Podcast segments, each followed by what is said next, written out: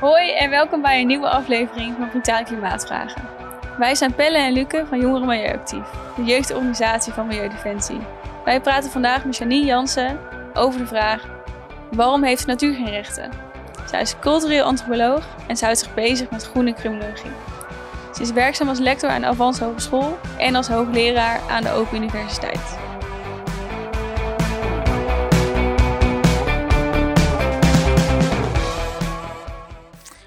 Janine, uh, welkom. Uh, ja, om maar meteen met de deur in huis te vallen. Uh, wat is groene criminologie eigenlijk? Ja, wat is groene criminologie? Dat is even een makkelijke vraag om er binnen te komen. Um, in de criminologie denken wij al een aantal decennia na over de vraag van, ja, die criminologie. Wij dachten altijd dat het over mensen ging, maar is dat eigenlijk niet veel te beperkt? Want ja, we zijn niet alleen op deze aarde, we hebben een leefomgeving. En criminologen die vragen, die denken na over vraagstukken niet zozeer over goed en kwaad, maar waarom vinden mensen bepaald gedrag slecht?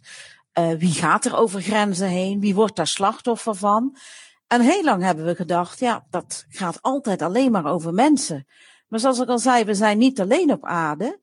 En we zijn nu al een aantal decennia bezig om na te denken, wat voor gevolgen heeft het gedrag van mensen nou voor het leven om ons heen? En we zien, kijk maar eens naar die klimaatproblemen, het uitsterven van bepaalde soorten of hè, het dreigen van uitsterven van bepaalde soorten. Nou, er zijn dus criminologen die zeggen van, hé, hey, moeten we niet eens een ander slachtofferbegrip gaan hanteren? Niet alleen mensen worden slachtoffer van medemensen, maar ook om ons heen het leven kan slachtoffer worden van ons gedrag. Met andere ja. woorden moeten wij als criminologen daar ook niet eens naar kijken. En daar zijn de groene ja. criminologen mee bezig.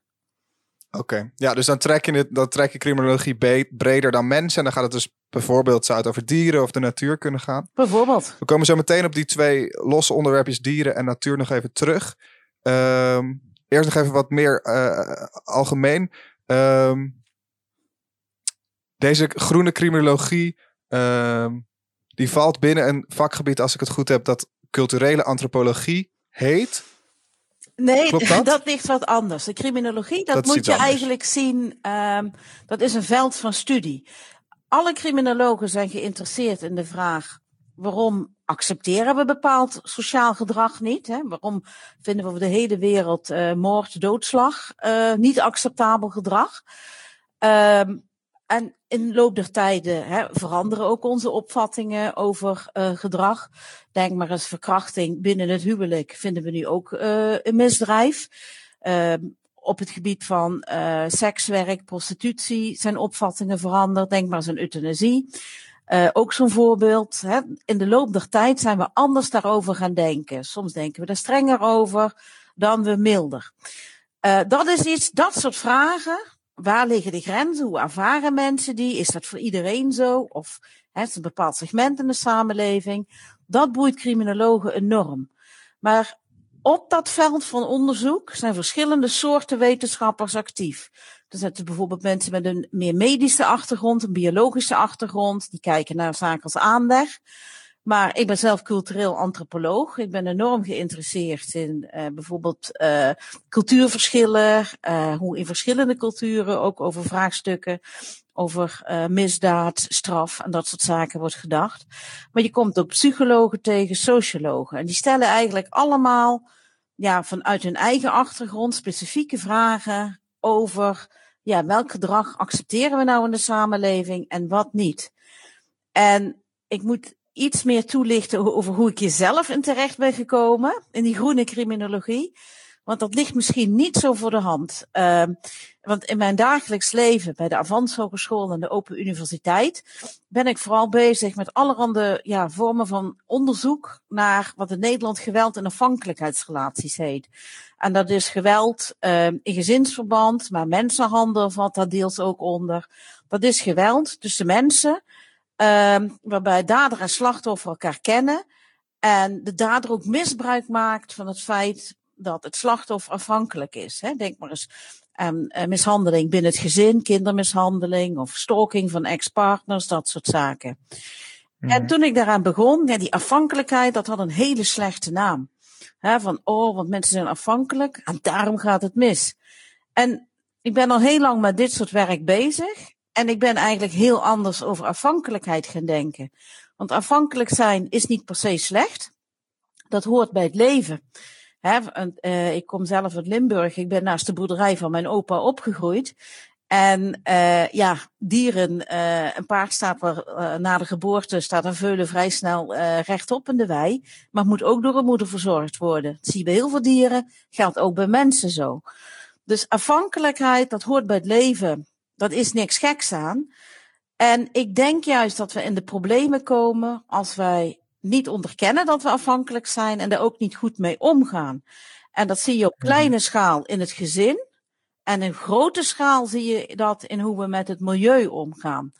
En dat is iets wat mij eigenlijk, dat denken over afhankelijkheid, dat heeft mij ook aan het denken gezet van, ja, hoe ga ik nou met mijn eigen leefomgeving om? En ja, ik vind nu bijvoorbeeld die lockdownperiode. Ik heb uh, een jaar lang mij thuis uh, als een, een buitengewoon goede huisvrouw ontpopt. En denk, mijn god, wat heb ik toch een hoop spullen. Uh, ik ben geconfronteerd met mijn ecologische voetafdruk. Ik denk, ja, kan wel wat minder, hè? Het, uh, ik heb 60 paar schoenen. Is dat nou echt allemaal nodig? Ja, als je in de kassa staat bij de uitverkoop, vind je van wel. Maar is dat nou nodig? Uh, hoe verhoud ik ja. mij tot mijn omgeving? En dat soort vraagstukken, ja, die inspireren mij ook om na te denken. Uh, voor iets waar ik ook al twintig jaar mee bezig ben, met name de positie van dieren in de criminologie. Ja, oké, okay, dus via die afhankelijkheid kom je dan uh, terecht bij de, bij de criminologie. En de criminologie is dan dus een samenkomst van, uh, of daar werken mensen vanuit verschillende ja. perspectieven, dus zoals je noemt, psychologen, cultureel antropologen. En, en vanaf dat ik ben uh, afgestudeerd, heb ik me met allerhande vragen rond veiligheid en criminaliteit bezig gehouden. Maar ik deed dat als antropoloog, maar ik had heel veel collega's uit de psychologie, sociologie, artsen, noem maar op, die daar op hun manier ook over nadachten. Ja. ja, en als we dan inderdaad eens even kijken naar, uh, naar, die, naar die dieren, die dan, waar we dan dus uh, die een bepaalde afhankelijkheidsrelatie met ons hebben, maar wij misschien zijn ook wel weer afhankelijk van, van de natuur en dieren, uiteraard. Ja. Um, ja, jij schrijft heel mooi in een, in een vaktijdschrift wat we toevallig uh, ergens toevallig. tegenkwamen. vooral, vooral heel veel niet begrepen, maar wel een mooie uh, anekdote in, in lazen. Uh, dat was tijdschrift Proces, als ik het goed zeg. Ja. Uh, daar schreef je dat we in Nederland uh, meer dan anderhalf miljoen honden hebben, meer dan 2,5 miljoen katten, uh, 650.000 siervogels, 610 vissen, bijna anderhalf miljoen kleine zoogdieren, uh, 280.000 reptielen. En dan hebben we ook nog, en dat zijn alleen nog maar de huisdieren, dan hebben we ook nog vee. 150 miljoen kippen, 12 miljoen varkens, 4 miljoen runderen, bijna een miljoen schapen, een half miljoen geiten en bijna 9 80.000 paarden. Een hele opsomming stond daar. Dat zijn nou wat oudere uh, cijfers, maar we hebben het alleen maar over die 17 miljoen mensen. Dat is gek. Ja, precies. En al die dieren, uh, schrijf jij daar, hebben dus uh, bijna geen rechten. Um, en jij bent daar kritisch op. je pleit voor het verbreden van de wet en daarmee dus meerdere soorten dan alleen de mens rechten te geven. Mm. nou, je noemde al even waarom, waarom dat um, dat heb belangrijk ik is. Ietsje anders opgeschreven. Uh, over rechten moeten we het zo ook hebben. Maar um, in, in dat stuk, daar heb ik later ook een boek over gemaakt, waarom de criminologie mij dierbaar is, leg ik eigenlijk uit. Als sociale wetenschappers, criminologen, maken we ons heel erg druk om mensen. Maar als je bedenkt, hè, Nederland wonen 17 miljoen mensen. En je noemt net al die dieren, al die getallen. Ja, dan ja, is het als raar. Als je het snel optelt, zijn misschien wel 200 miljoen dieren. Eh, tig. En we hebben nog niet eens wat ja. uh, in het wild om ons heen vliegt. En hele kleine dieren, hè, eencellige, noem maar op. Die noem ik nog niet eens. Dus er zijn -hmm. veel meer andere soorten in ons land dan wij zelf. En ook al heb je niks met dieren, als je werkelijk iets wil begrijpen van hoe wij leven, zul je ook in die andere soorten moeten verdiepen en hoe we daarmee omgaan. Hè. We eten dieren op, we zien ze als artikelen, maar we zien ze ook als gezinsleden. Uh, en ik heb zelf lang onderzoek gedaan in gevangenissen. En daar zag ik ook heel veel therapeutische programma's met dieren. En in het begin was ik daar heel erg van gecharmeerd. Van, oh wat leuk hè, dat maakt de tijd voor de gedetineerden allemaal wat prettiger. Ehm, bijvoorbeeld omgang met een hond of een kat of wat dan ook. En op een gegeven moment is bij mij wat kwartje gevallen. En dat is nu ruim twintig jaar geleden. En toen dacht ik van, kijk, als de dieren er ook wat aan hebben, prima. Maar heel vaak gaan we met dieren om, alleen ja, als nut voor ons, hè? als een soort gebruiksartikelen. En toen dacht ik, ja, maar doen we dieren dan niet tekort? Hè? Van dieren zijn er niet per se voor ons. Dieren doen er voor zichzelf toe. En moeten we dat uh, ook niet onderkennen? Hè? Van, uh, hoe, ja, waar halen wij het morele recht vandaan uh, om maar met andere soorten ja, te doen en in te zetten? ja, gewoon voor onze eigen behoeftes. Moeten wij niet veel meer na gaan denken over wat goed is voor andere soorten, waar zij behoefte aan hebben? Um, en dat ze een leven kunnen leiden, ja, dat ook bij hun biologische gedrag past. En uh, dat heet met een moeilijk woord non-speciesisme. Dat is net zoiets als uh, uh, racisme. Bij racisme dan denk je hè, dat je je eigen soort beter is dan een ander. Bij speciesisme denk je eigenlijk dat de mens bijzonder is en het beste van allemaal. En de andere dieren, nou, die zijn er allemaal voor ons. Dat, is, uh, dat kleurt ons leven. Dat zijn een soort decorstukken in ons leven. En daar ben ik toch heel erg aan gaan twijfelen van, doen, hè, doen we die dieren dan wel recht? En wij, hebben ja. wij niet een morele plicht om ook fatsoenlijk met ander leven om te gaan? Een ja. ander verhaal is dan, moet je dieren rechten geven? En dat vind ik een lastige. Oké. Okay. En wat ik daar heel moeilijk aan vind, is, uh, kijk, hè, wij hebben allemaal rechten. Je hebt stemrecht, je hebt andere rechten. En die kan je opeisen. Hè, en als, als, ja. als wij ruzie krijgen of het gaat mis, uh, je kunt de politie bellen, je kunt naar de rechter gaan, maar je kunt je rechten, uh, ja, kan je voor inzetten. En we hebben ook een soort juridische arena waarin je ten strijde kan trekken. En dat ja. vind ik het ingewikkelde als je zegt uh, dieren, ah, of andere dan menselijke dieren, hoor je dan te zeggen, of uh, een ecosysteem, of een rivier of een berg, die ga ik ook rechten geven. Aan de ene kant, uh, heel veel mensen die ijveren voor rechten voor dieren, uh, heb ik heel veel sympathie voor. Hè? Want die strijden wel voor de goede zaak. Hè? Die, die zijn kritisch op het gedrag van mensen. Maar het recht zoals wij dat kennen, dat is eigenlijk toch ook toch in essentie een instrument waarmee je vooral het gedrag ook van mensen probeert te reguleren. En als ik bijvoorbeeld tegen een kat zeg van, jij krijgt nu ook rechten, je, uh, wie moet dat dan op gaan eisen voor die kat? Hè? Ja, dan ja. zal ik het moeten doen uh, of een ander. Um, en dan hoor ik ook wel eens de vergelijking van, ja, misschien moet je andere soorten dan zeg maar zien, zoals bijvoorbeeld kinderen in ons recht. Um, hè? Dus dan voor kinderen moet ook altijd een ander spreken. -hmm. Maar doe je die soorten dan niet tekort? Hè, dan, dan zie je ze weer niet als volwaardig. Dan zie je ze toch als onvolwassen mensen. Die positie krijgen ze dan. Dus aan de ene kant denk ik, hè, of door bijvoorbeeld de positie, uh, of iets over de positie van andere soorten ook in de grondwet te zetten. Hè, maar uh, dat geeft je heel krachtig signaal af. Maar wat voor mij lastig blijft, hoe kan een dier, een ecosysteem, een berg of wat dan ook, mm -hmm. zijn of haar recht dan gaan halen? Ja. Daar zijn ze weer van ons afhankelijk. En dat vind ik ja. wel lastig. Ja, uh, oké. Okay. Um, dus dan, maar om, om dan toch uh, meer recht te doen en, en die uh, non-specialiteit juist wel na te leven, dan zeg ik het goed, hè? Non-specialisme. Non, non-specialisme. Ik zeg heel eerlijk, ik vind het ook een moeilijk woord. En, uh, ik spreek er geregeld over, ik schrijf erover.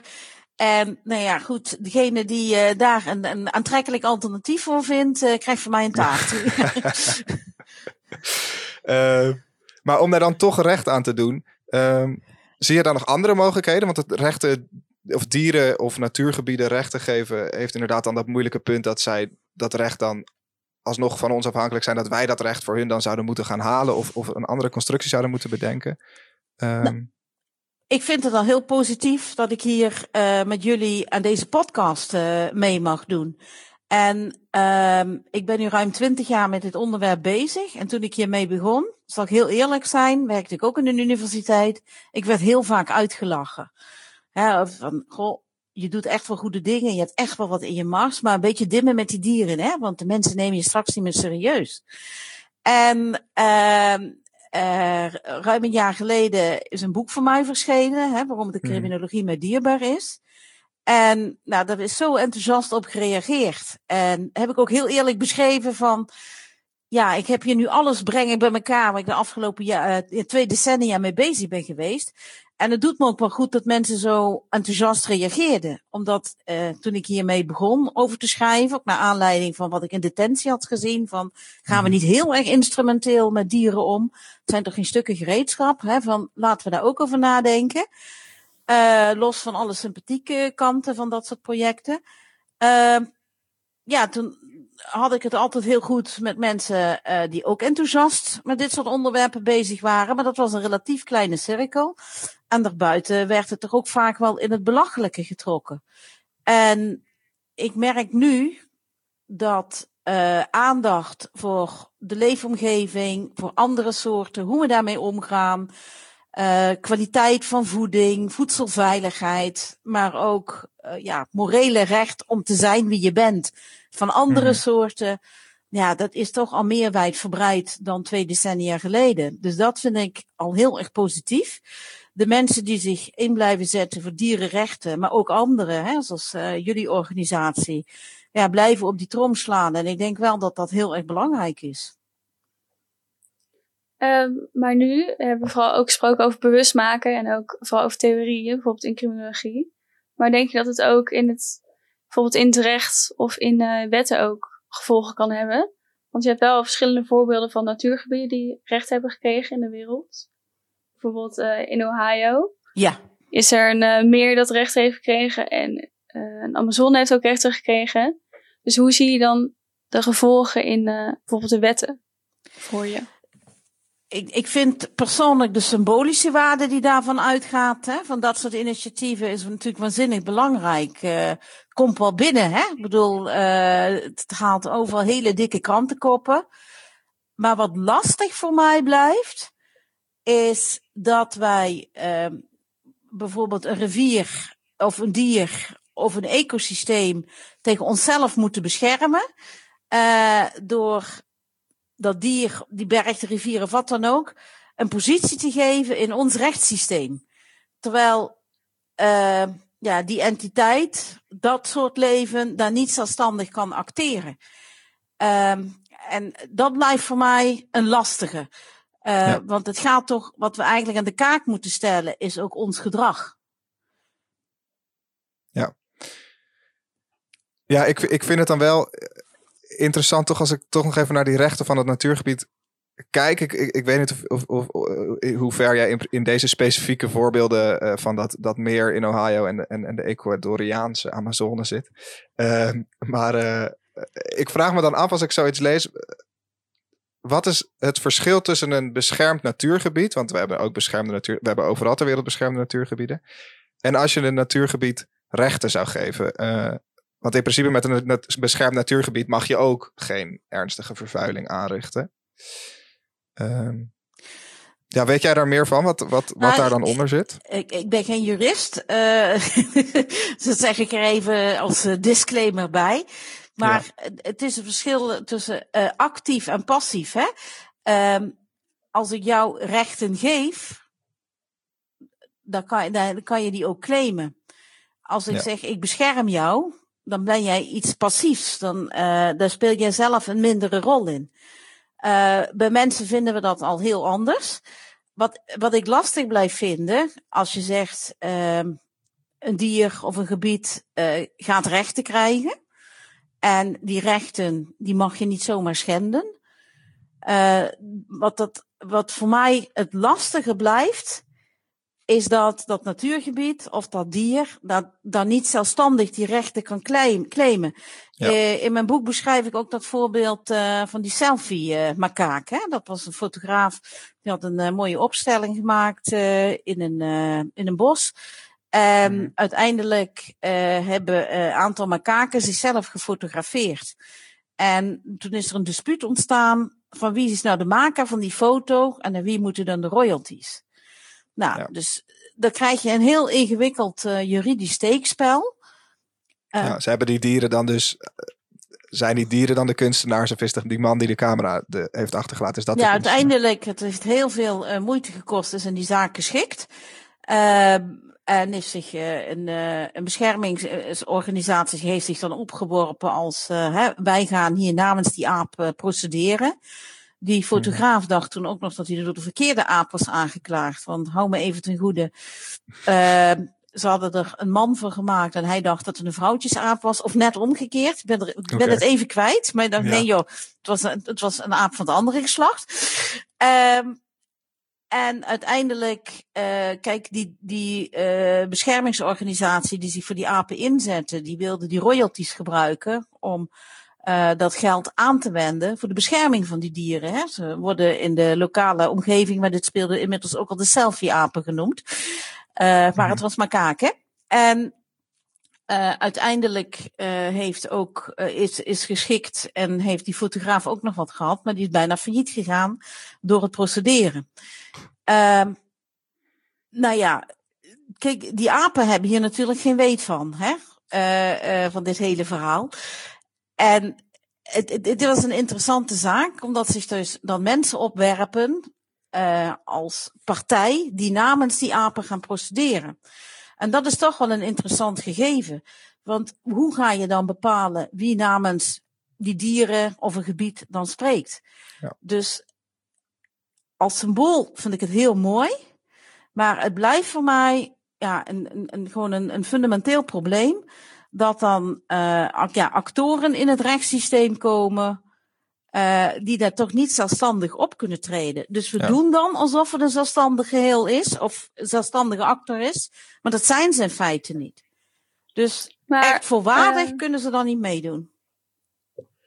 Uh, ja, maar zou je dus eigenlijk zeggen dat het rechtssysteem dan zou moeten veranderen? Willen we dit echt um, waarde geven? Nou, ik denk uh, ik ben, uh, dat je met het recht wel heel veel kan. Hè? Uh, er wordt ook door juristen ook veel geprocedeerd om misstanden ook aan te kaarten. denk maar aan vervuiling en dat soort zaken. dus het recht is zeker een ongelooflijk belangrijk instrument. Hè, met recht kan je niet alles, maar als je een zaak rond kunt krijgen, bijvoorbeeld tegen een vervuiler of tegen iemand die dieren mishandelt. Mm Ehm, dan pak je natuurlijk de individuele dader aan, maar je geeft ook een heel belangrijk maatschappelijk signaal af. Hè, van ja, jongens, dit kan niet. Um, dit, dit, accepteert de samenleving niet. Als dat ook tot een veroordeling komt. Dus in dat opzicht vind ik dat recht waanzinnig belangrijk. Ja, maar dan zeg je dus eigenlijk het, het, het, geven van rechten, dat blijft problematisch door die, doordat, doordat dieren en natuur. Dat denkt niet iedereen zo over als ik, maar dat is mijn persoonlijke opvatting. Ja, ja precies. Ja. Um, maar toch zijn er veel middelen in het rechtssysteem om, om, uh, om zaken te winnen. We hebben natuurlijk ook een paar voorbeelden gezien de afgelopen tijd met. Uh, uh, tegen Shell of Urgenda, die dan, wat dan gaat, of, dat zijn echt ja. beroemde klimaatzaken. Um, er is, er is een petitie nu gaande om uh, ecocide strafbaar te stellen. Dat is natuurlijk iets anders dan het recht geven aan natuurgebieden om te bestaan of uh, om een bepaald recht aan natuurgebieden te geven. Maar toch ook een stap voorwaarts. Dat, ja, dat is inderdaad, dat is voor een hele andere uh, ontwikkeling. Hè? Maar dan heb, -hmm. geef je niet een bepaald systeemrechten, maar dan zeg je van, joh, je hebt nu iets gedaan waardoor een heel ecosysteem uh, in het nauw komt. En dat past wel ook in die tendens om, uh, uh, wat bijvoorbeeld wat je bij criminologen ziet, dat ons begrip van slachtofferschap, dat is ruimer aan het worden, dat verandert. Uh, een ander punt wat ook interessant is, hè, dus ik ben heel veel bezig met onderzoek naar bijvoorbeeld huiselijk geweld, eergerelateerd mm -hmm. geweld, dat soort zaken. En binnen dat hele geweldsonderzoek denken we op dit moment heel erg na over uh, psychisch geweld. Hè? Want sommige mensen die krijgen misschien geen klappen, maar die worden gek van angst, uh, van alle dreigementen. En dat vinden we ook geweld. Um, dat, ja, maar hoe zit dat dan bijvoorbeeld bij allerhande vormen van dierenmishandeling en verwaarlozing? Hè? Bijvoorbeeld uh, fysieke wonden, die zijn nog wat te detecteren. Maar zijn we ook voldoende toegerust om te ontdekken van hoe wij handelen hoe dat ook het psychische welbevinden van dieren beïnvloedt. Eigenlijk is het waanzinnig lastig.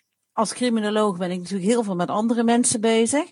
En ik vind het soms al buitengewoon lastig om me in mijn medemens te verplaatsen. Denk, hè, mhm. mijn hemel, wat heeft iemand uh, bewogen? Hè? Wat, uh, mm hoe zit die bedrading daar tussen de oren? Maar het wordt allemaal nog een factor 10, wat zeg ik, maar een factor 1000 moeilijker als je ook een andere soorten probeert te verplaatsen. Dus ik denk dat het voor ons ook als mensen, uh, dat wij vaak nog onderschatten hoe groot onze invloed is op het leven ja, in onze omgeving. Ja. ja, dus echt een omroep om, om, om daar in ieder geval beter over na te denken of we dat dan doen met rechten aan de natuur of niet. Dat blijft moeilijk, maar uh, het, het scherpt in ieder geval het denken aan. En dat, dat, is, dat is nooit verkeerd, nee. Ik denk dat wij ons daar helemaal in, uh, in kunnen vinden. In het wat meer meedenken met, met de natuur, met, met dieren. Daarmee ook, als je dat breder trekt, biodiversiteit. We hebben het nu nog niet eens daarover gehad. Maar natuurlijk ook, uh, dat, dat speelt hier vast ook tussen.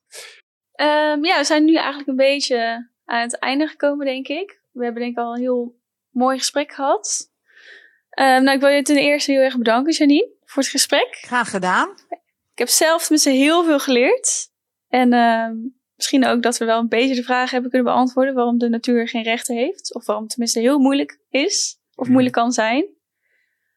Uh, nou, dan wil ik de luisteraars natuurlijk ook bedanken voor het luisteren.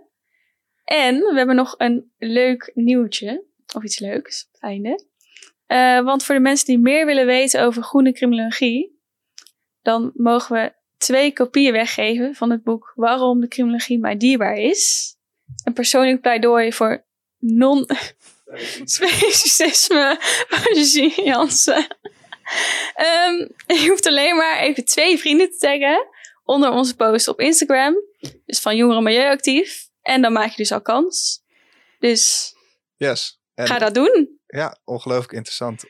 Ook namens mij eh, bedankt, Janine. Graag gedaan. En ik moet nog even zeggen, de boeken eh, krijgen jullie van Boomuitgevers in Den Haag. Heel goed. Kijk, profiteer, profiteer er ook van. Mocht je hem nou niet uh, winnen, support dan natuurlijk je lokale boekhandel en, en ga hem gewoon daar ophalen. Daar houden we hem denk ik bij. Tot de volgende. Houdoe.